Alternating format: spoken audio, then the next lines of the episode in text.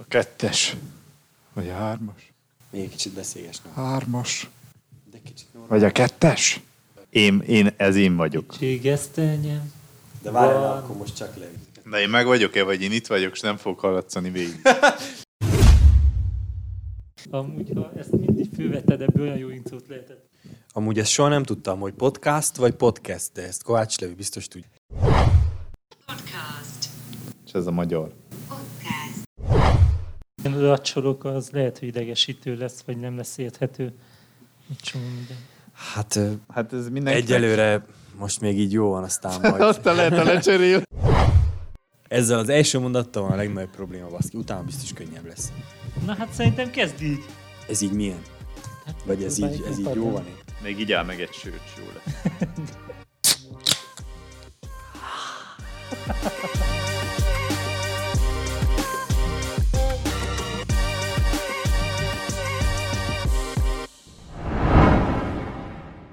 Köszönjük a hallgatókat, én Józsa Levente vagyok, Székelyudvarhelyen vagyunk jelenleg egy fotostúdióba, és hogy egyből belevágjak a legmélyebb részébe ennek a témának, mi nagyon sokat szoktunk így hárman, Kovács Levente, Gábor Lajos és Józsa Levente, mint fotósok beszélgetni, és sokszor olyan beszélgetések kerekednek ki ezekből, hogy el is kacagjuk néha, hogy milyen jó lenne, ha ezeket felvetetnénk, és nem mellesleg olyan emberekkel találkozunk a szakmánk által, hogy hogy olyan értékes emberek, vagy olyan értékes mondani valók vannak sokszor a, ezekbe az emberekbe, hogy, hogy ezt kár lenne kihagyni. Úgyhogy azt gondoltuk, hogy itt ettől a pillanattól kezdve neki fogunk a saját podcastünknek is, de akkor szerintem egy kicsit beszélgessünk arról, hogy mivel hogy mind a hárman hallgatunk podcasteket, hogy miért jó podcastet hallgatni, vagy mi miért szoktunk rá erre, hogy mi hallgatjuk másoknak a podcastét. Sziasztok, Lajos vagyok. Én vagyok az, aki racsol. Szóval podcast. Ezt mi igazából úgy képzeljük el, mint akár egy kocsmai beszélgetést, amikor leülünk egy-egy sör mellé, vagy amikor éppen utómunka során Skype-on beszélgetünk. Ugye mi mind nagyrészt ülőmunkát folytatunk, és nagyon sokat szoktunk a munka közben beszélgetni, és ilyenkor nagyon sok színes téma fölmerül.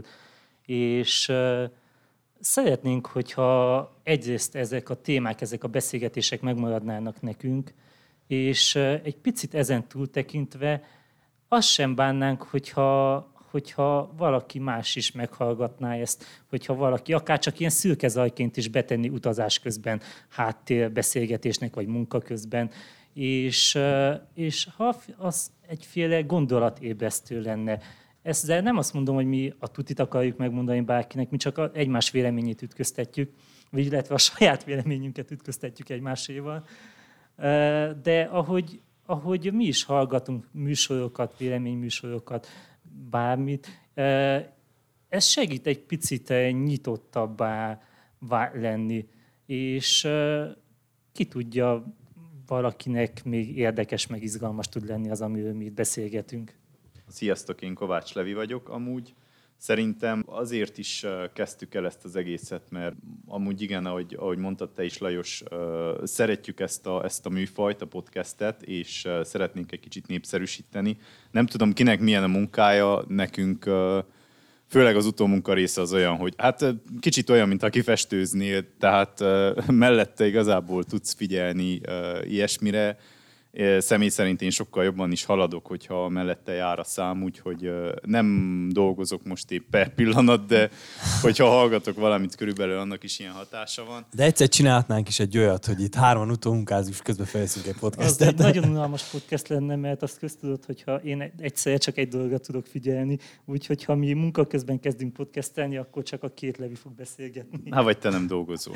Vagy én nem dolgozok, igen. Azt akartam mondani, hogy a környéken nem, szá- úgy, úgy értve a környéket, hogy itt udvarhely közelében nem nagyon tudok én személy szerint ilyen, ilyen podcastről, vagy hasonló megmozdulásról, úgyhogy gondoltuk, hogy most miért ne kezdjük. Hogyha mi. vannak, akkor elnézést kérünk, és természetesen Nem. szívesen várjuk, meghallgatjuk. Igen. Tudjuk, eh, tehát én, én például tudom, hogy, hogy van csak más témában, tehát igazából ugye nagyon sokat beszélgettünk arról, amikor elkezdtük ezt tervezni, ezt az egészet, hogy, hogy mi az, ami, eh, mi az, amit mi hozzá tudnánk adni a hallgatóknak a mindennapjaihoz, és igazából rájöttünk arra, hogy, hogy ugye a szakmánkból adódóan nagyon sok olyan emberrel találkozunk például, akik, akik valamilyen, valamilyen értéket hordoznak, vagy valamilyen értéket teremtenek a mindennapokba, és én például érzem mindig ebbe az emberekbe, hogy amikor találkozok velük, vagy amikor befejezzük a munkát, akkor kialakul egy olyan beszélgetés, amit sose tudunk lezárni.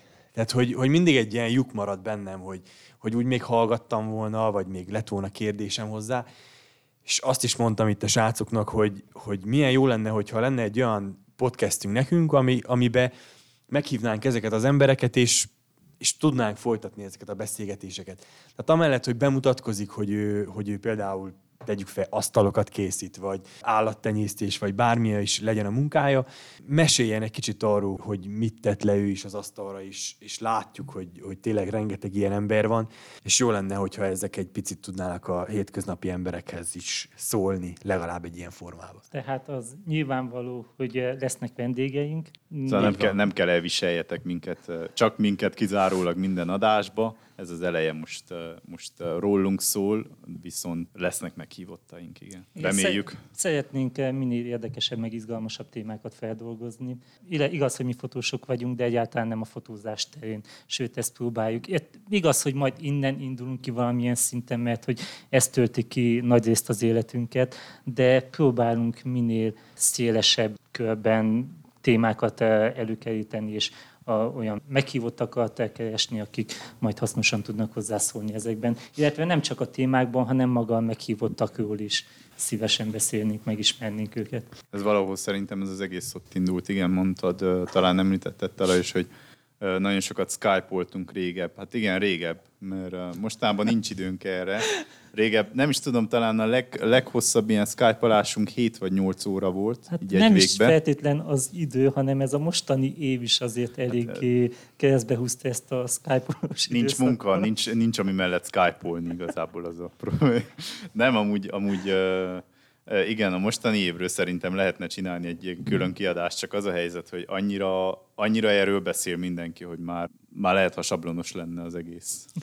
Igen, és hogyha egy kicsit ezt az egészet keretbe akarjuk foglalni, vagy hogy egy picit érthetőbb legyen az, hogy, hogy, hogy mi is az, az egész tehát ugye mi azt tervezzük, hogy ahhoz, hogy egy kicsit érthetőbbekké váljunk, hogyha ezt így lehet fogalmazni, akkor mi azt szeretnénk, hogy ebbe az első műsorba egy kicsit ilyen nagyon minimálisan érítsünk mindent, kezdve az, hogy például kiről mit kell pontosan tudni, vagy hogy egyáltalán tényleg hogyan jött létre ez a ez a podcast, vagy hogy egyáltalán hogyan ismerkedtünk meg így mi hárman, mert az is egy nagyon érdekes téma tud lenni. És akkor szeretnénk utána mindenkiről egy ilyen külön epizódot készíteni, amiben egy kicsit mindenki elmesélni ezt az érdekes élethelyzeteit, hogy, hogy ő miből, miből cseperedett mivé, vagy hogy hogyan vált fotósá, és egészen odáig, hogy ez a társaság megismerkedett. És utána nem titok, hogy tényleg azt tervezzük, hogy a, tehát az ötödik adástól már meghívottakkal tudjunk beszélgetni bizonyos témákról. Na, de akkor két mondatban mutatkozz is be, Levi. Jó, szuper.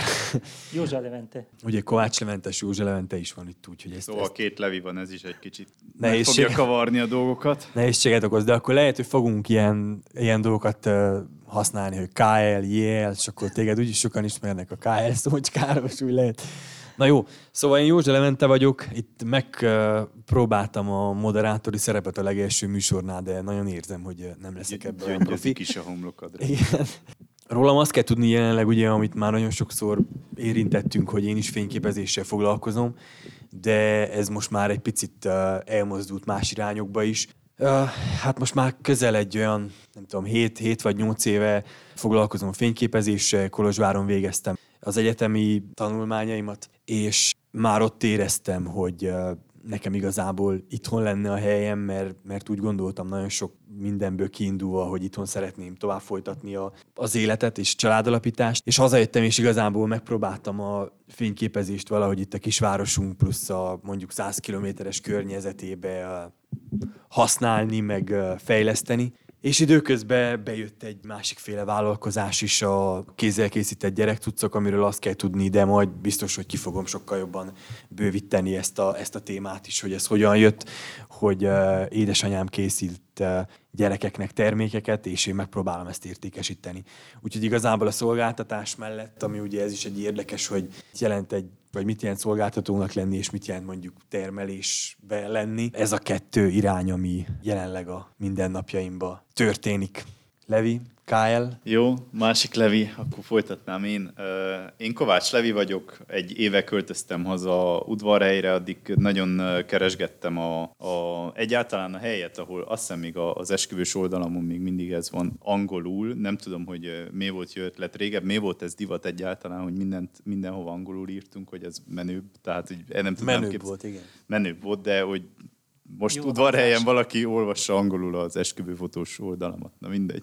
Szerintem amúgy most csak egy gyors zárójel, hogy régen nagyon erőtettük azt, hogy azt hittük, hogy tudunk ilyen, ilyen worldwide, ilyen, Igen. ilyen bakancs bakancsot húzunk, és körbejárjuk a szakmánkkal a világot. Lehet, de... lehet igazából. Hát csak lehet, nem... csak nem azért, amiért ki van neked angolul írva a Facebookban. Hogy... Közben az értékrendünk változott, azért nem, nem ez lett a prioritás. Igen, ez egy, ez egy nagyon jó vonal, ez kösz, kösz a felvezetőt, mert amúgy pont ezzel akartam kezdeni, hogy én nyolc éve foglalkozok fényképészettel, azt lehet mondani, ti is, Lajos egy kicsit régebben talán, és az alatt az idő alatt egyszerűen nem tudtam eldönteni, hogy oké, okay, fotózás, ez, ez biztos, de hogy ebbe, ebbe mit akarok, hol akarom egyáltalán, külföldön, itthon, ha külföldön, akkor hol, ha itthon, akkor hol. Kolozsváron voltam most három évig, már majdnem ott voltunk, hogy barátnőmmel, hogy ott is fogunk élni, már majdnem vettünk telket, aztán egyszer csak mentünk fel Kolozsvára, és megkérdezte a barátnőm, hogy te amúgy szereted Kolozsváron? És mondtam, hogy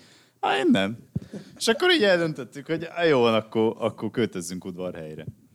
És egy, egy éve ez így meg is történt, most itt vagyunk, közben nekem nagy álmom volt már az elejétől kezdve, hogy nagyon szeretnék egy fotostúdiót. Most itt vagyunk benne, úgyhogy azt lehet mondani, hogy haladunk valamilyen irányba. Most már tudom, hogy mit akarok, tudom, hogy hol akarom. Ez az év egy kicsit keresztbe húzta a dolgokat, de szépen lassan igazából jobban meg lehet gondolni így a, a lépéseket, hogy nem jön minden olyan gyorsan egymás után. Mind a ketten hibáztunk valamilyen irányba, úgyhogy most már Lajos csak rajtad a sor, hogy te is valamit hibáz. Ugye itt az elején én nem mondtam helyesen a nevedet. Kovács Levi pedig sikeresen a mennyasszonyát lebarátnőzte, amit aztán majd ő otthon lehorcol, amikor ez kimegy a műsor. De most már biztos, hogy nem fogjuk kivágni, hogy ő barátnőnek nevezte. Helyesen mondta Józsa Leonte a leánykori nevemet. Most már Gábor Lajosból Gábor Szápta Lajossal zsáltam két éve. Úgy gondoltam, hogy nem lenne teljesen korrekt szemű, hogy elvárjam. Két éven ősültem is, hogy a feleségem Szende is fölvegye a nevemet úgy, hogy én nem veszem fel az övét, és akkor én is fölvettem. Senkinek sem ajánlom. Csak a... Hogy felvegye a, a szávta nevet? Vagy? a szávta, a szávta nevet sem, de abból más nevét. Míg lecserél minden dokumentumot, jogosítványt, személyt, bankkártyákat, mindent, egy fél élet belekerül. Szóval most már én sem venném fel az övétől sem az enyémet. Jó, ez ilyen rövid zárójel volt. Én csak hát tanultunk most... belőle szerintem, nem? én, én pedig ezt szeretném mondani, mivel hogy kit, kit értetek erre a barátnős dologra elég keményen, hogy uh, akkor még uh, lehet, hogy uh, tényleg csak a barátnőm volt, amikor ez a... Tehát múlt időben beszéltem, ugye, és amikor megkérdezte az autópályán, hogy na mi a helyzet, akkor valószínű, hogy én még nem kérdeztem meg őt, hogy na mi a helyzet. Igazából én csak most tudatosítottam magamban, hogy különböző idősávokban, de mind értünk Kolozsváron, de az enyém annyira rég volt, hogy lassan már nem is emlékszem. Lajos 20 évvel idősebb nálunk, ezt így elfelejtett. Két-három éve vagyok idősebb a Leventéknél. Valamikor 2012 elején költöztem haza Kolozsvárról, és Hát igaz, hogy már előtte elkezdtem fotózni, de én csak hobbi szinten fotózgattam. Ekkor kezdtem jobban elmerülni bennem, mint munkában, megélhetés szinten. És azóta egyre építgettem a fotós pályafutásomat, én inkább az esküvői vonalra álltam le, de nem zárkozom el más témáktól sem, és most kb. olyan két éve tartok ott, hogy eh, szeretném ezt a fotózást eh, nem teljesen abba hagyni, hanem, hanem kiegészíteni másféle, hát nem munkát mondanék, mert épp az, hogy nem dolgozni akarok, hanem más máshonnan, jövedelmekkel. Más jövedelmekkel. Eh, különböző vállalkozásokban keressük az úgymond kiutat de fotózni, fotózni is akarok, sőt nem is akarom azt abba hagyni, csak a fotózás az tudni kell, hogy egy nagyon időigényes munka, az eh, igényli a fizikai idődet, azt oda kell áldozni, és én azt szeretném, hogy minél több fizikai szabadidőm maradjon. És eh, két éve próbálkozunk vállalkozásokkal, most már a feleségemmel Szendével közösen egy fotódoboz szolgáltatást, a Retrobútort üzemeltetjük, ami az idei a fotózásnak és a fotódoboz szolgáltatásnak is egy kicsit gátat vetett, de éppen az idei évnek köszönhetően sikerült egy másik vonalon elindulni, majd a későbbiekben lehet, hogy erről is beszélgetni fogunk. Amúgy igen, említetted ezt, hogy ez szerintem fontos megemlíteni már az elején, hogy mindhárman egy kicsit más, tehát az elején kb. ugyanazt csináltuk a fotózáson belül is, aztán így érdekes, ez lehet egy érdekesség ebbe az egészbe, hogy mindhárman elkanyarodtunk másfele is. Tehát, De akkor kezdjük onnan, hogy igen? térjünk vissza a legelejére, hogy egyáltalán honnan indult ez a mi, hogy hol találkoztunk, vagy hogyan találkoztunk. Ezt a képet nem tudom, ki, ki lehetne majd tenni valahova. Vala, kitaláljuk annak a módját. Igen, készült egy fénykép a legelső találkozásunk alkalmával, amit, amit mondtuk, hogy milyen jó, hogy akkor elkészítettünk. most... Tudom, 2012-ben készülhetett ez? Hát én nem, nem emlékszem sajnos, dátumokban nagyon gyenge vagyok, de, de biztos, hogy ki tudjuk deríteni ezt is. És pont mondtam itt a srácoknak, hogy nagyon gyorsan készítsünk egy fényképet erről a mai napról is, meg ki tudja, hogy tíz év múlva majd elkacagjuk, hogy megpróbáltunk egy podcastet, ami azóta se jött létre. Itt, hogyha már mind rám néztetek, hogy menjünk vissza az első naphoz, és így a két tekintet rám szegeződött, akkor uh, igazából az egy, egy pár héttel uh, még jobban visszaugranék. Majd fogok a saját külsős, vagy nem is tudom, minek nevezzem, tehát ugye be akarjuk majd saját magunkat is egy picit mutatni, meg úgy beszélgetni akarunk a saját életutunkról is, amit ugye az elmúlt tíz évben eljártunk akkor sokat fogok arról mesélni, hogy, hogy miért is választottam a fényképezés szakmát. De ugye volt ott egy olyan momentum nekem, amikor, amikor én eldöntöttem, hogy visszamegyek Kolozsvárra, mert ez egy ilyen visszatérés volt oda abba a városba, hogy fényképezés szakra, akkor nekem nagyon-nagyon gyorsan, meg nagyon rövid idő alatt fel kellett készülni, hogy ott hogy igazából... Hát igen, tehát hogy igazából felvételi volt, na, tehát ez a, ez a, ez a jó szó erre, hogy, hogy a felvételire és akkor már hallottam Lajosnak a nevéről, megkerestem őt, hogy egy picit segítsen nekem, úgyhogy igazából ez a kettőnk közötti kapcsolat ez így indult, hogy én megkerestem őt, hogy egy picit tudna is segíteni nekem a felvételi. Én nem küldtem el egyből a szeme világába. Igen, ugye ez is egy, egy ilyen gyors vonalka lehet, hogy, hogy mit kap a mai világban az, aki egy szakmát meg akar tanulni, és mondjuk felkeres egy profit.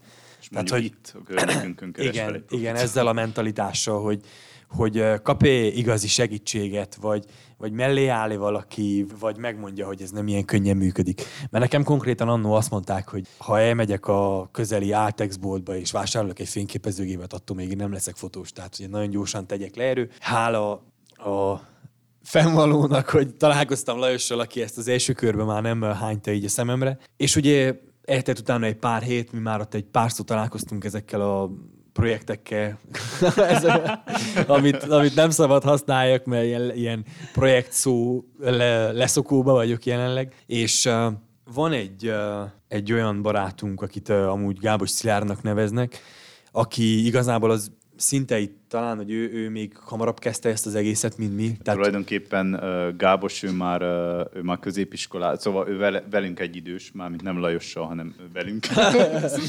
ő már középiskolába fotózott, tehát ő már azelőtt fotózott, mielőtt uh, a fotózás menü dolognak számított. És uh, tulajdonképpen igen, az ő kezdeményezése volt ez. Nem tudom, hogy hogy, miért kitalálta, hogy uh, udvarhelyen egy, egy jó pár fotóst így hozzon össze egy ilyen esti sörözésre. Tulajdonképpen uh, nekünk ez a, ez a barátságunk, vagy ez a körünk, ez, ez onnan alakult, és mások is voltak hívva, ezt kiemelném erre a beszélgetésre, csak mi mentünk el, ennyi az egész. Tehát valahogy a sors így hozta, hogy ha még XY jött volna, akkor lehet, ha ő lenne itt, ha én pont aznap nem megyek, akkor én nem lennék itt, tehát hogy ezen lehet filozófálgatni, hogy milyen, milyen kicsi dolgok van. Igen, szóval mi négyen akkor elmentünk a, a találkozóra, ami egy sima fotós találkozónak indult, hogy na akkor ismerjük meg a környékbe egy kezdő lelkes fotósokat, hogy kik azok, akik még számolják a megapixeleket, és azóta létezik ez a mi társaságunk, és azóta nagyon sokat köszönhetünk mindannyian neki. Hát tudni kell, hogy akkor még szó sem volt arról, hogy mi ebből élünk, vagy azt nem tudom, arról volt-e szó. Én már a maga nevében beszélek, hogy mi ebből megélni akarunk, mert akkor még ugye hobbiból fotóztunk, de Kovácsai portrézgatott, te nem is tudom, mit fotóztál. Én, én most is sportizgatok. De... de, de hogy tényleg csak az az egy közös volt, hogy fotóztunk. És aztán ez a találkozó után ezt a társaságot, ezt a kapcsolatot nem oszlattuk föl, hanem megfűszereztük egy-egy kerti partivas, egy-egy Márifalvi falu napokkal, és egyre szorosabbra fűződött ez a, hát úgymond barátsága ez a fotós kapcsolat. És nem csak barátsága, hanem szakmai partnerség is úgymond. Lassan, ahogy teltek a hónapok, évek, mindegyikünknek valamilyen szinten kezdett kialakulni a, a munkatéren is a fotózás, a pályafutása, és hatalmas segítség volt az, hogy mi voltunk akkor ott egymásnak, és tudtuk segíteni egymást. De már csak olyan szinten is, ha arról nem beszélek, hogy egymást ajánlottuk, hogyha pont nem volt ugye szabadidőnk valamilyen munkára, de hogyha valaki vett egy jobb objektívet, akkor minket ölt az étség, hogy nekünk is kell, és, és valahogy úgy csináltuk, hogy mi is egyet tudjunk venni. Vagy éppen vagy kölcsön valaki, adta, vagy hasonló. Vagy akár, de tehát... hogyha valaki csinált egy jó fotót, akkor nem kellett kísérletezgetni egy fél nap, hogy vajon hogy csinálta, mert megkérdeztük, hogy te milyen beállításokat használtál, meg tényleg segítettünk, amiben tudtunk. Van egy olyan emlékem konkrétan, hogy megment az egyik gépem egy esküvő előtt, és most egy új nevet hozok a, a képbe, Fehér Zsombi, ő is ugyan, ugyanúgy be, benne van ebbe a, a baráti társaságunkba, ő küldte fel a, a gépét udvarhelyre az utolsó pillanatban egy uh, random stoppos emberre, tehát amivel én másnap már kellett fotózzak, mert ugye nekem nem volt de Józsefével volt olyan közös munkánk is valamikor ezelőtt 60 évvel, hogy elvállaltam egy fotózást, de csak úgy, esküvőfotózást, de csak úgy akarták rám bízni, hogyha videózást is vállalok. Hát én nem vagyok jártas a témában, de Levi ugye ő fotófilm médián tanult Kolozsváron, hát akkor szóltam, hogy biztos vágja a videózást, hogy én elvideózni. Aztán aztán a nagy válasz kamerával Levi roppintotta, én fotóztam. Azt hiszem az volt az, egy, sőt, két ilyen munkánk is volt. Hogy... Két ilyen munkánk, és emlékszem, hogy az egyik az valamilyen formába kapcsolódott az egyetemi kütyükhöz. Most talán, talán az egyikre te hoztad a, a kamerát, valahonnan bérelted, és a másodiknál már volt egy ilyen kikötésed, hogy jó, jöhetsz, csak hogy old meg a felszerelést is, mert azt te nem nagyon akarod megoldani, vagy valami ilyesmi volt és akkor talán az egyetemnek a kameráját vittem. Valami ilyesmire emlékszem, és tudom, hogy eh, mennyire félve vittem vissza, hogy nehogy rajta maradjon az anyag, hogy én ezt munkára használtam fel. De milyen vicces, hogy most ha ezt valaki utólag visszahallja onnan, akkor vajon most valami probléma lesz ebből? De nem, tehát azért, azért hiszek abba, hogy bármennyire furcsák is napjaink egyetemei azért örvendenek annak, hogyha valamilyen formában kamatoztatják a, az ottani diákokat, tudásukat, és akár már munkára tudják fordítani. Ez az egész, visszatérek arra, hogy elkezdtük, hogy na akkor legyen ebből podcast is, beszéltünk arról, hogy jó lenne az első műsorban egy kicsit bemutatkozni. Akkor beszéltünk egy olyanról, hogy milyen érdekes az, hogy akkor ez a fotózás így összehozott egy pár embert, és utána ilyen, ilyen lassan, de szétkezdett válni ez, a, ez az irány, hogy, hogy akkor ott abban a pillanatban igazából mindenkit az érdekelt, hogy megtanulja a fotózás, hogy egy kicsit portrézzon. Mind a hárman belekóstoltunk abba, hogy milyen esküvőkre járni. Van, aki egy kicsit még jobban elmélyítette magát a, az esküvők világába. Uh, van, aki, a, van, aki a portrézást is egy kicsit uh, próbálta még jobban elmélyíteni. Tehát, hogy ez is ugye milyen érdekes volt, hogy annó elkezdtük pár évvel eltérően, de hogy úgy nagyjából ott ilyen hasonló szinteken, tehát hogy mindig azt néztük, hogy, hogy Lajos egy évvel jobban tud, vagy egy évvel tapasztaltabb, vagy Kovács, nem, úgy emlékszem mindig, hogy, hogy Lajos volt ilyen két-három éve, Kovács Levi tisztán emlékszem, hogy egy éve volt előttem mindig mindenbe, és talán én kezdtem el utoljára.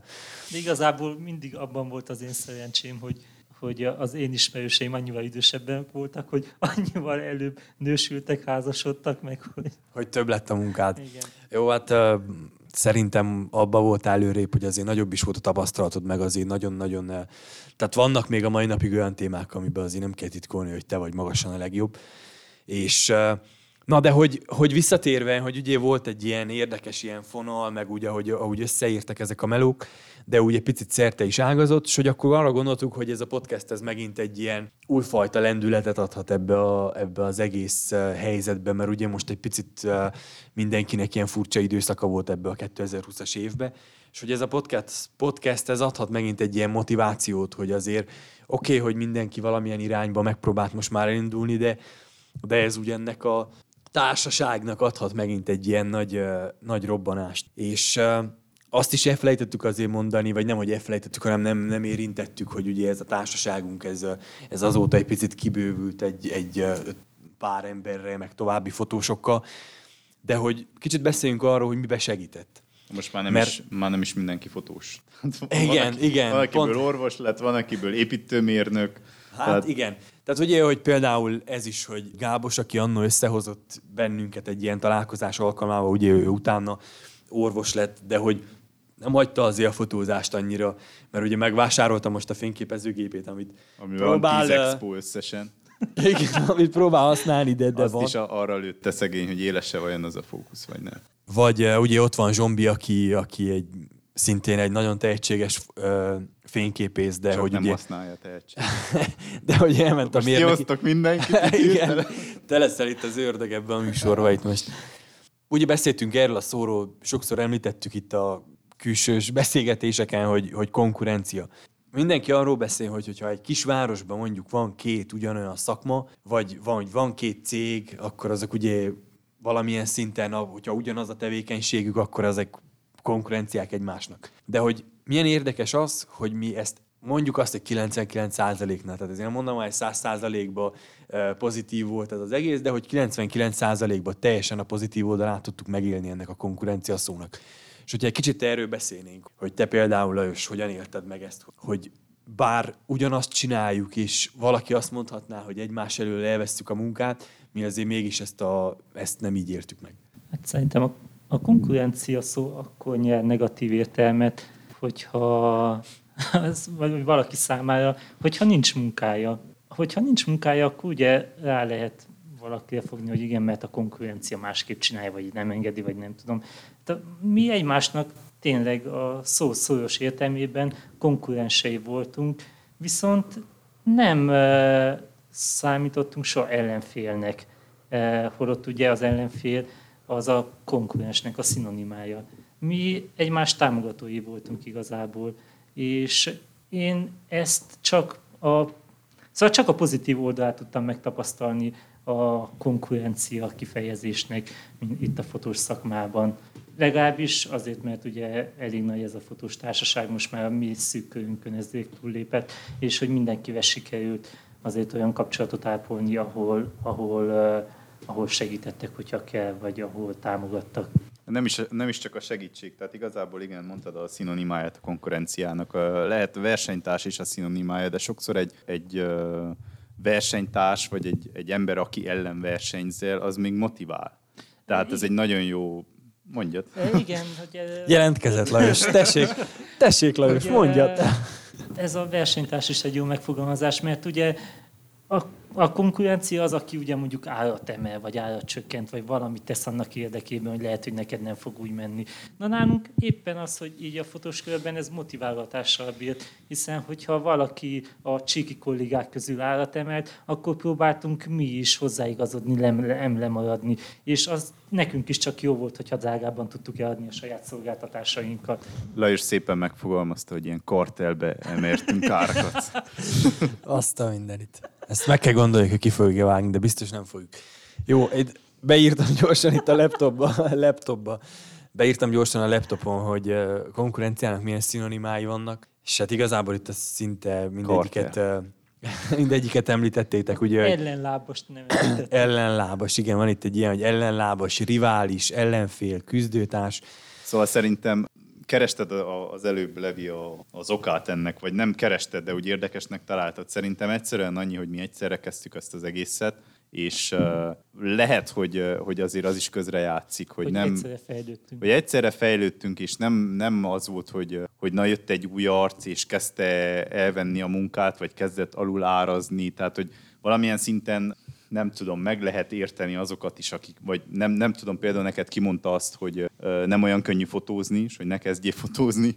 Valószínű, hogy meg lehet érteni őt is ebből a szempontból, hogy, hogy egy pici félszígy volt, volt az emberekben, vagy van még, még a mai napig. Mi szerintem ebből a szempontból is nyitottabbak vagyunk. Most nem mondom, hogy mi jók vagy különlegesek vagyunk másokhoz képest, de más a felfogása szerintem most az ember. Pont ezt akartam mondani, hogy hogy bármennyire kerülgetjük itt a témát, azért biztos, hogy valamilyen szinten a személyiségek, meg a, meg a, a témához, meg az emberekhez való hozzáállás is sokat segített abba, hogy, hogy ugye, hogyha most valaki ír ránk, saját magunkat látjuk abba a személybe, aki jelenleg például ránk is valami segítséget kér, akkor én, bár lehet, hogy az akkori rámszólásból, vagy a, az a sértő mondatból, de, de hogy tényleg nem, nem az a válaszom, hogy egy uh, szupermarketbe vásárolt fényképezőgéppel még nem leszel fotós, hanem tényleg a tisztességes formájában megpróbálok válaszolni arra, hogy mibe tudok én neki segíteni, vagy a kérdésére válaszolni. Ez szerintem leginkább azért van, mert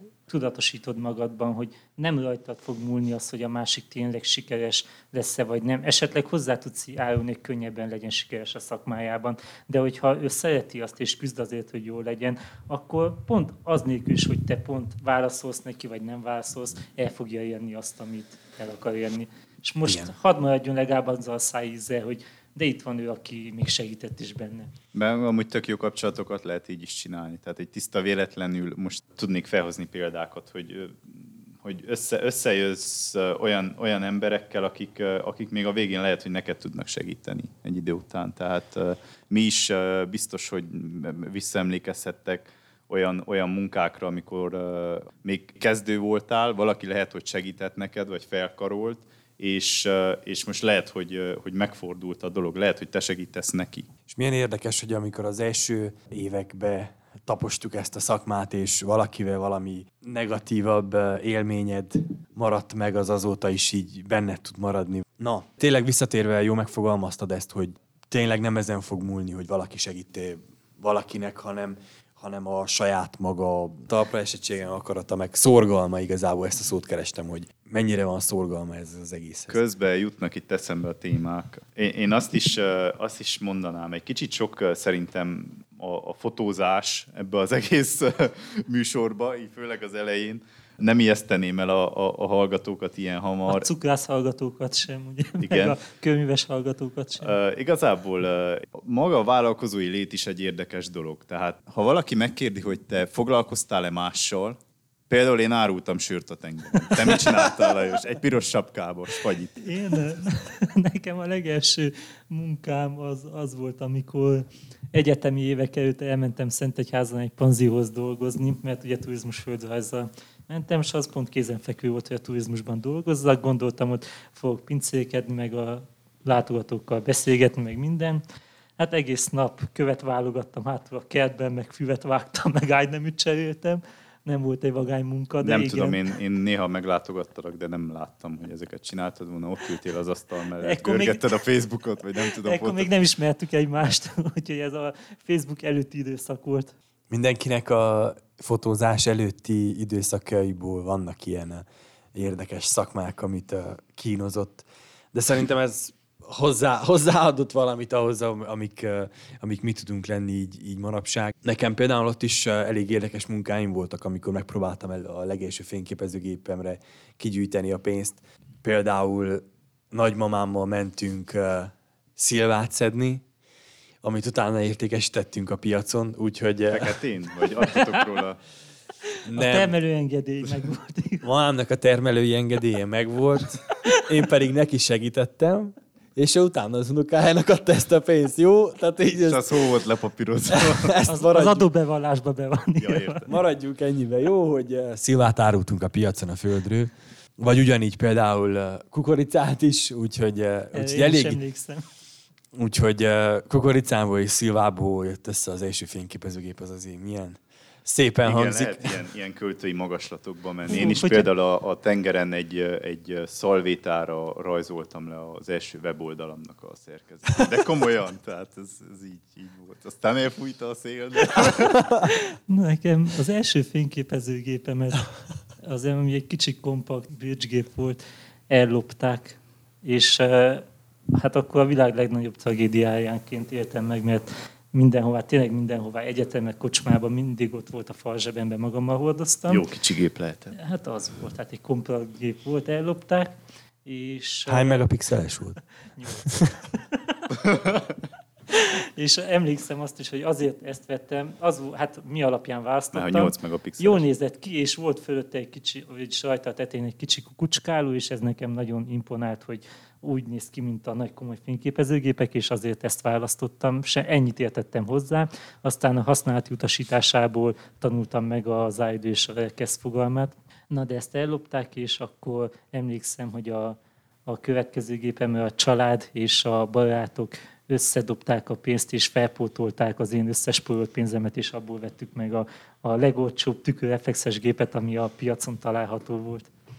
Hát az én sztorim ezzel kapcsolatban, ha már megint a fotózásnál vagyunk, az az, hogy visszatérve Gábos Szilárdra, ő úgy adta el nekem a leharcolt fényképezőgépét, hogy ilyen kamu telefonhívást intézett magának, és azt mondta a találkozónkon, hogy hát most hívott egy csávó, aki 300 leér többé, többé megvenni a gépet, úgyhogy kell vagy nem. És akkor hát persze én rávágtam, hogy kell, mert meg, meg voltam ijedve, hogy nem kapom meg. Olyan gép volt, hogy uh, néha voltak ilyen cselei, hogy ha nem kapcsoltad ki, tehát mint mikor Wordban nem mented el a, a dokumentumot, ha nem kapcsoltad ki, akkor amit fotóztál vele, az, az úgy, úgy eltűnt. Persze sokszor feljön a fényképezés, de hogy próbálunk mindig olyan irányokból megközelíteni, hogy egy szakmaként vagy egy vállalkozásként fogjuk fel, szóval nem kell szerintem attól félni, hogy itt minden öt percben valamilyen úton módon úgyis visszakanyarodunk a szakmánkba, vagy szakmánkhoz. Lesz de hogy ugye ez is egy érdekes téma tud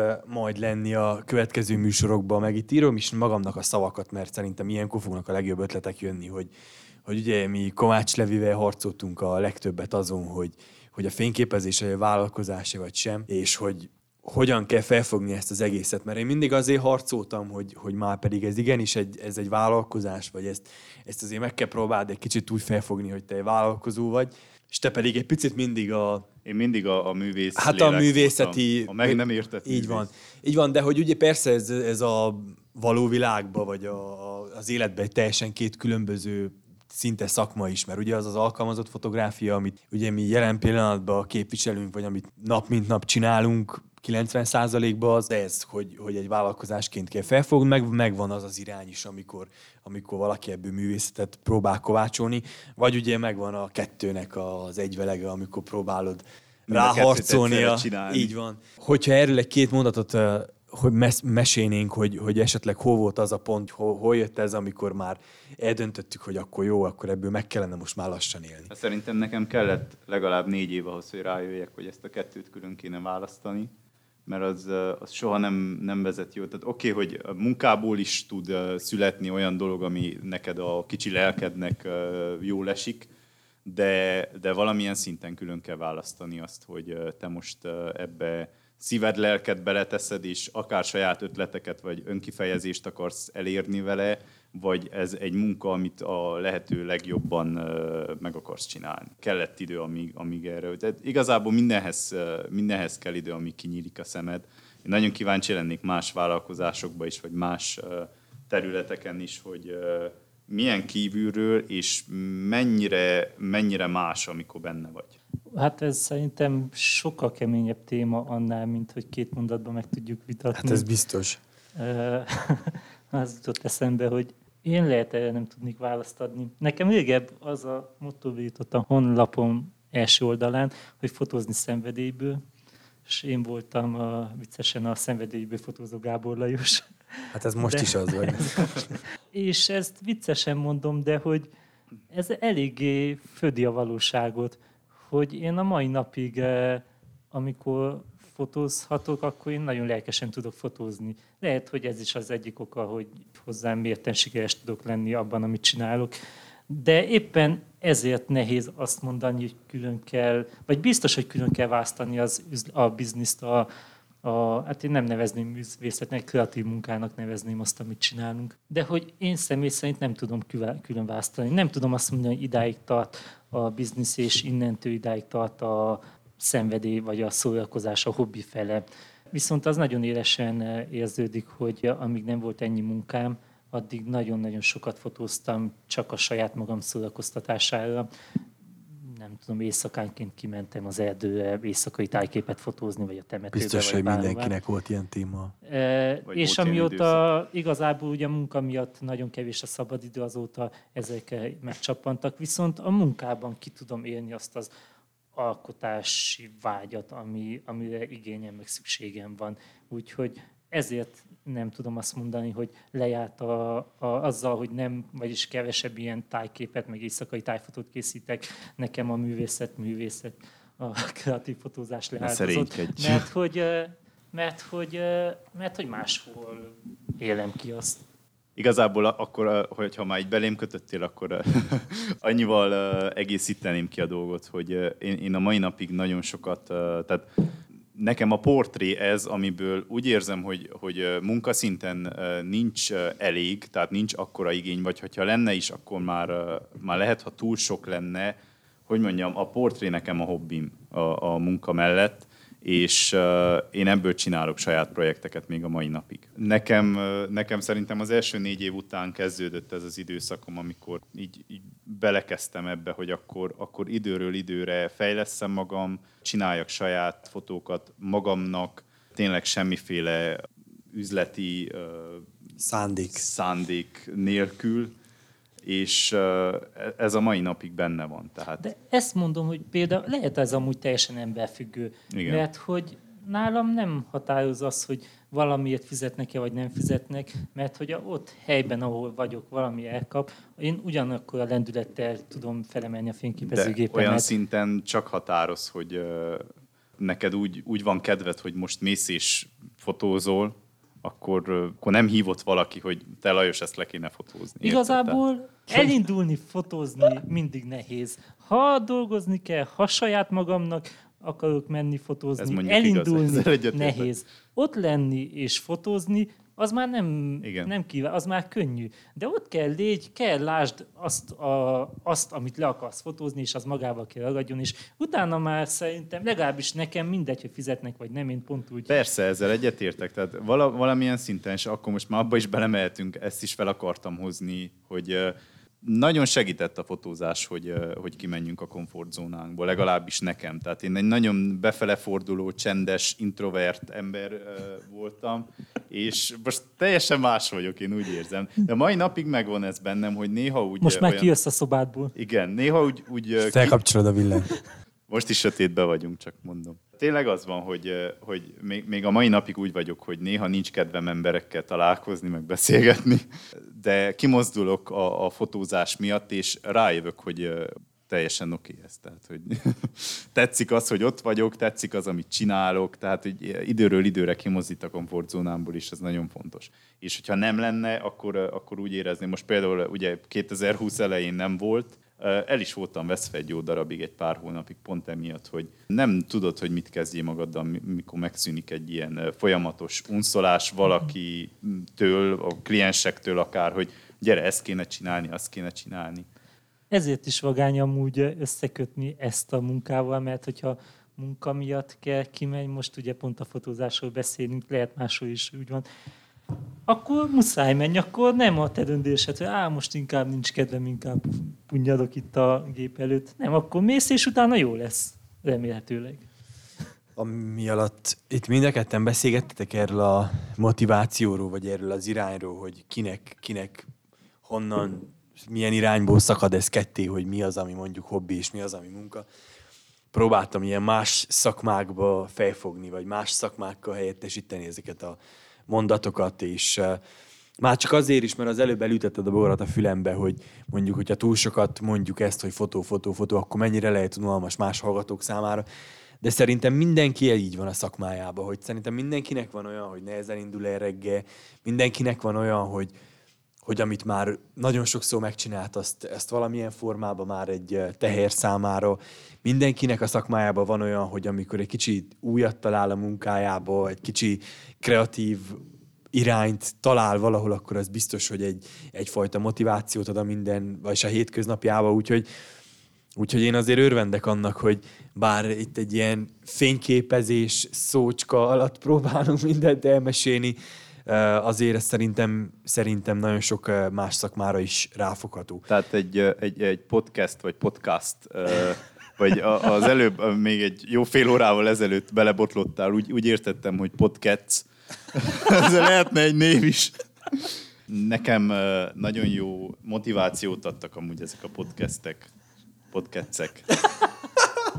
De tényleg, hogyha saját vállalkozásod van, akkor kell egy nagy motiváció, mert nincs, aki a kisekbe rugódjon hátulról, hogy menjél, hogyha nem akarod, nem csinálod. Tehát senki nem fogja azt mondani, hogy na hát meglőttél, ma se haladtál úgy, amit kéne. De ez a motiváció, ez mindenkinek másból fakad, hogy nincs ez életben egy olyan olyan objektum, hogy ez Persze, itt a motiváció, van, és ez az, amit nem mindenhol, egy kicsit mindenki Igen, tehát van, hogy elolvasol egy könyvet, az, az adja ezt a löketet, van, hogy meghallgatsz egy podcastet, az adja, tehát vagy megnézel egy filmet, vagy csak simán beszélgetsz valakivel, csak ezt akartam felhozni, hogy... Vagy hogy... egy vagonpénzt akarsz keresni. Igen.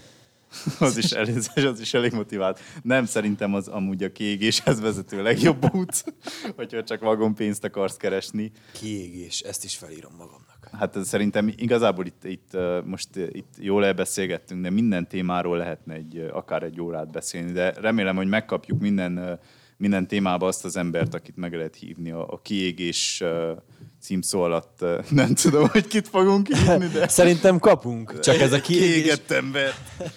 ez a kiégés, jó, de nem, szerintem nem probléma az, hogy ugrálunk a témák között, mert de nekem fel is van jegyezve az, hogy, hogy én nem akarom ezt az egészet úgy felfogni, hogy, hogy valamilyen ilyen szabályok szerint haladjunk, hanem én például ez egy motiváció nekem, ha már itt tartunk, ez a podcast, vagy podcast, vagy podcast, hogy, hogy ez, ez például most nekem egy motiváció ahhoz, hogy tudom, hogy van egy olyan projektem, ha már ezt a szót akarom megint használni, hogy ez most egy ilyen kicsi löket.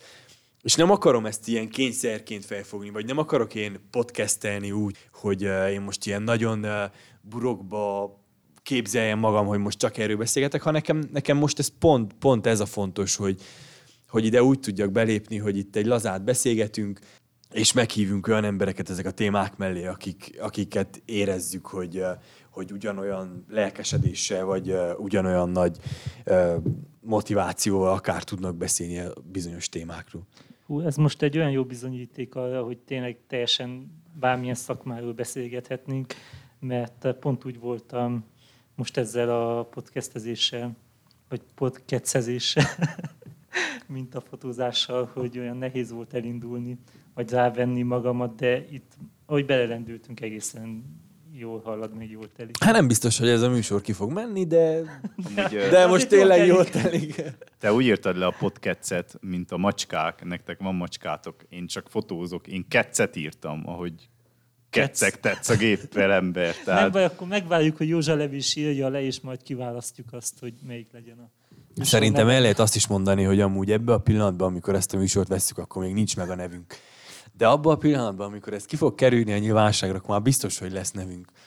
Úgyhogy lehet, hogyha ez, ez, a, ez a kettezés lesz. Jó, tehát itt vannak nekem ilyen szavak, hogy siker, konkurencia, kiégés, és olyan érdekes lenne ezeket tényleg olyan irányból megközelíteni, hogy, hogy meghívni valakit mondjuk tényleg egy teljesen más környezetből, egy teljesen más szakmából, és mondjuk beszélgetni erről a kiégés témáról is, mert ugye én például mostanában nagyon sokat foglalkozok ezzel a szóval, mert nekem például vannak olyan heteim, hogy érzem magamon azokat a jeleket, ami ehhez vezet.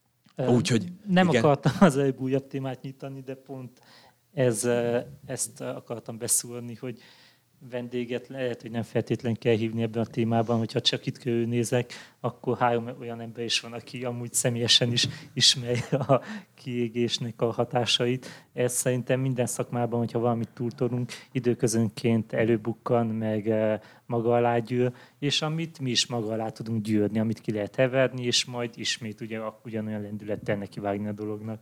Kicsit az is van szerintem a mi szakmánkban, legalábbis eh, az esküvőfotózás, az, az nem ugye csak egy az szezonális... nem alapban a fotózás is. E, igen, a fotózás, hát mondjuk nem, mert például Józsa Levinél annyira nem szezonális, ő inkább cégeknek dolgozik, az, az egész évben van, viszont az esküvőzés, én ezért csináltam ezt a stúdiót, mert nekem elegem volt abból, hogy lejárt az esküvőszezon, és akkor a teret azt úgy töltöttem, hogy néztem ki a fejemből. Mindig volt egy, egy ilyen kicsi, a, a vége fele már egy ilyen kicsi kiégés, és akkor utána egy, egy pihenő, de egy olyan pihenő, aminek az első két hetét élveztem, és a, a további három hónapját mondjuk már nem annyira, tehát ki kellett tölteni az időt valami egyébben, hogy adja tovább azt a, azt a lendületet. És ugye ez is olyan érdekes, hogy, hogy a fotózásban megtalálod azt az irányt, amikor valamit hobbiként tudsz felfogni, hogy mondjuk éjszaka kimész csillagfotózni, vagy, vagy kimész egy barátoddal, és nem tudom, készítesz róla egy portrét, és van olyan, amikor valamit idézőjelbe kényszerből muszáj elkészíts egy kliensnek, és akkor ott muszáj már egy kicsit vállalkozásként felfogd, és ott akkor már kicsit nehezebb ez, hogy mi fog kisülni ebből az egészből. Ehhez azt tudnám hozzáfűzni, hogy lehet, hogy ez inkább a fotózásra jellemző, de a téma motivál.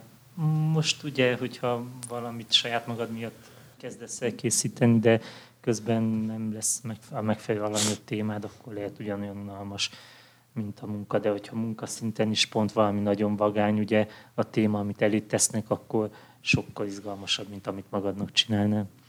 Meg az is, hogy én mindig jókat mosolyogok azon, hogy például, hogyha elmész egy esküvőbe, mondjuk októberbe, és egy normális évről beszélgetünk mondjuk 2018-ban, amikor az októberi esküvő az mondjuk van akinek a 15 de van akinek a 35 akkor, akkor mosolygok azon, hogy megkérdezik mondjuk így az emberek az esküvő során, hogy na, hogy vagytok, hogy telik az év, milyen volt, és akkor ha látom, hogy vannak olyanok, akik azt mondják, hogy jaj, hát szuper, hát ők tökéletesen bírják, és én pedig őszintén mindig el szoktam mondani, hogy hát figyelj, érzem magamon azt, hogy évvége van, érzem azt, hogy nehéz, hogy, hogy, hogy sok, és én ezt például őszintén el szoktam mondani, mert miért titkolnám, hogy én is emberből vagyok. Nekem például a szerződésemben is ez a 16 órázás, ez, ez azért jött létre, ezt el is szoktam a találkozókon mondani a, a kliensnek, vagy a, a pároknak, ha esküvőről van szó, hogy nekem azért van ez a 16 óra, mert emberből vagyok. Tudom azt, hogy 16 óra munka után nem tudja nekem senki normális körülmények között azt mondani,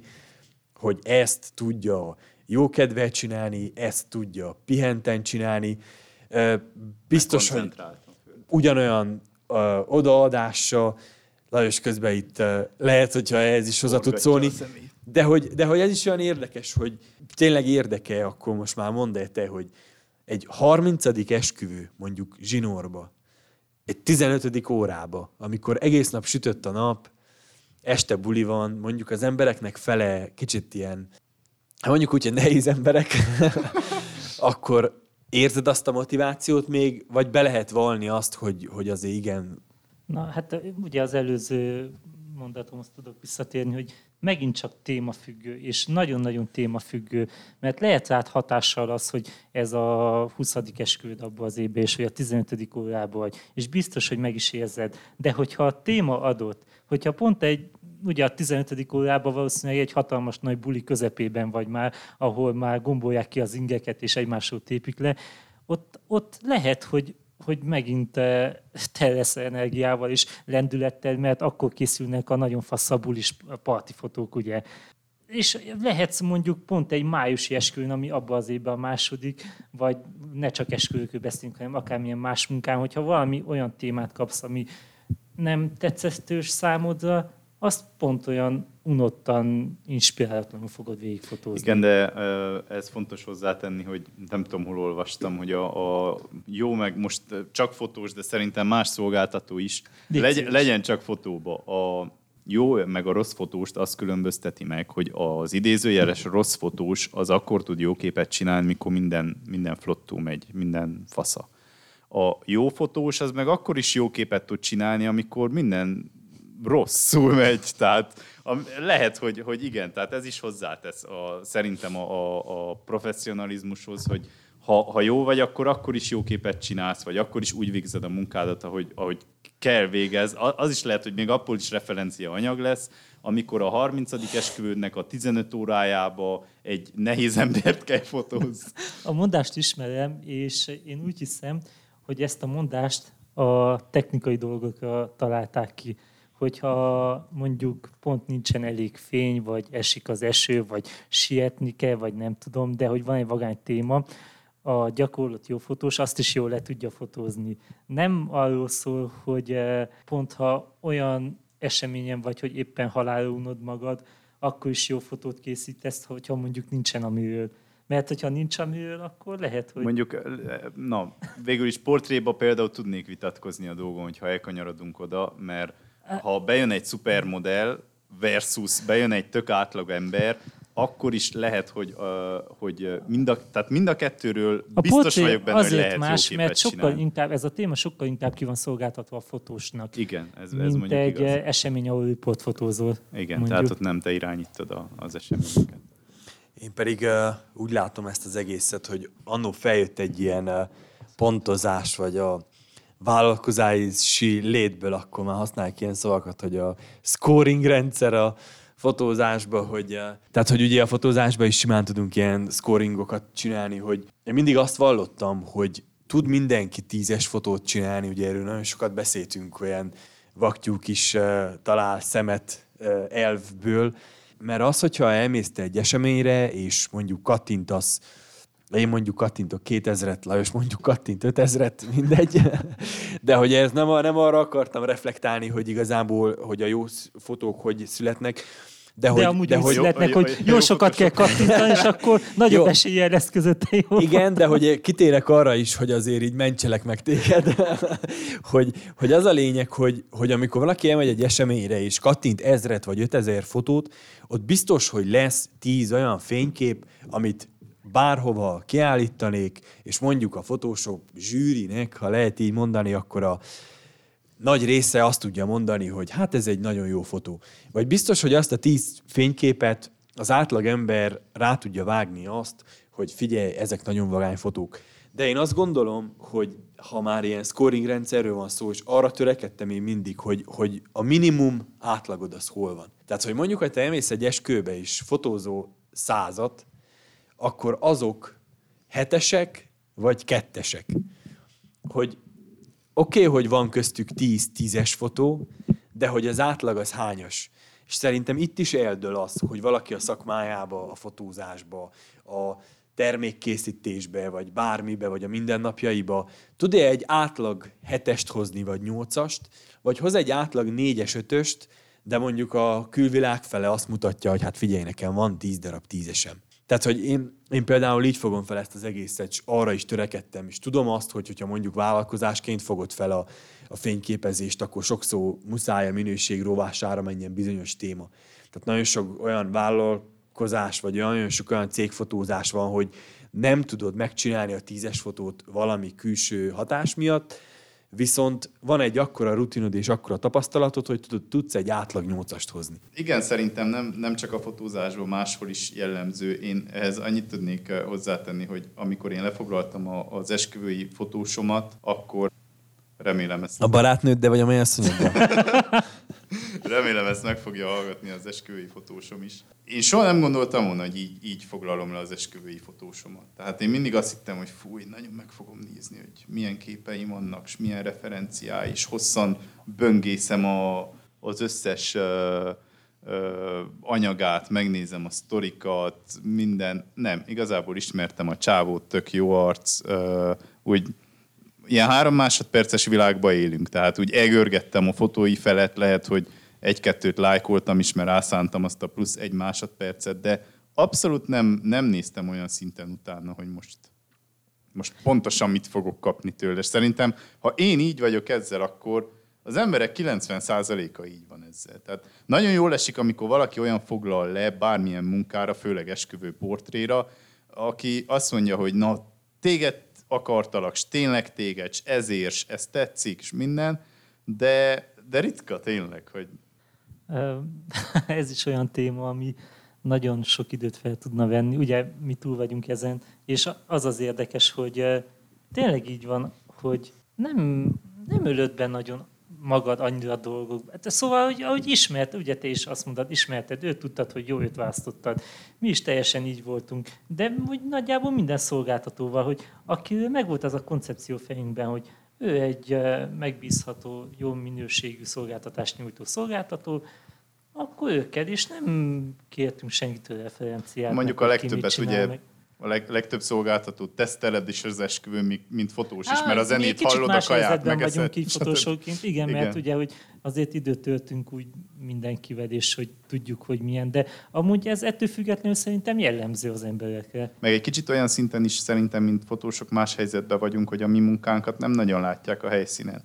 Tehát te nem tudsz, nem tudsz csápolni az esküvőn, hogy fú, de fasz csávó vagyok, ezt ők nem látják, vagy tehát Igen, Igen, nem, innen- nem tudod megmutatni, hogy milyen vagy. Ők csak látnak egy, egy az én esetemben például egy gondterhelt arcú fiatalembert, aki ott killódik. Ki nézi, hogy de nem, nincsen elég fény, meg nem elég hangulat. igen, de nem, nem tudják, hogy, hogy abból mi jön ki. Tehát a, a zenét hallod, a kaját megeszed, a hely az szép. Visszatérnék eh, Józsa Levi okfejtésére, ahol említette ugye ezt, hogy, eh, hogy átlagban milyen munkát végzel, és eh, vagy pedig az milyen kiemelkedő alkotásaid vannak. Abból a szempontból vizsgáljuk ezt a dolgot, hogy el akarod adni magad. Nehéz megállapítani, hogy melyik a megfelelőbb. Hogyha abból a szempontból vizsgáljuk, hogy mivel jár jobban a megrendelő, ugye egyértelmű az, hogyha, hogyha kap egy megbízható, általánosan megbízható munkát. Viszont a mai világban ugye az nagyon fontos, hogy hogy adod el, vagy hogyan tudod eladni, mivel adod el magad. Igen, és, és erre rátszuppan, hogyha megmutatsz valamiből valami nagyon vagányat, akkor arra rátszuppannak az emberek. Igen, tehát itt jön be a marketingnek a, az a kérdése, hogy, ö, hogy mennyire etikus dolog, Ö, meg itt jön Köszönöm. be a networking, hogy azért foglaltam le én szolgáltatókat, mert ismerem őket. Oké, okay, hogy amúgy jó munkát csinálnak, de ismerem őket. Tehát, hogy, és uh, ugyanakkor én fel vagyok háborodva sokszor, hogy, uh, hogy ismerettség alapon működnek általában a, a felkérések, főleg céges munkákra, ugye, mert most uh, én, én személy szerint azzal killódok, mivel hogy idén esküvők nincsenek. És uh, igen, tehát ez is megint két nagy téma, hogy, hogy mennyire fontos lenne az, hogy, ö, hogy személyesen ismerjenek az emberek, illetve mennyire, ö, mennyire etikus az, hogy, hogy eladod magad és hogy. És most ugye át is uh, uh, lovagoltunk teljesen az üzleti világba, és megemlítettük már a kapcsolatokat, a marketing, egy, hát a marketingnek egy apró uh, szegmensét. Am, Jó. Amiben van, aki sokkal jobb, van, aki sokkal gyengébb, itt És közülünk hogy, is. és hogy nem feltétlenül ezen múlik, hogy ki hogyan dolgozik, mármint nem azon múlik, hogy ki hogyan dolgozik, hogy mennyire van. Vagány, annyira érintettünk minden témát, hogy én itt már mint egy professzionális rádiós így hozzányúltam a mixerhez, már szeretném lehúzni a hangot, minden, úgyhogy annyira jó lett így a végére a, ez a belerázódás. Érintettünk mindenféle témát, egy picit nyitva is hagytunk mindent szerintem, mert ezek tényleg egyenként simán megérdemelnének akár több órás beszélgetést is. Én azt gondolom, hogy itt uh, zárjuk le ezt a, ezt a beszélgetést.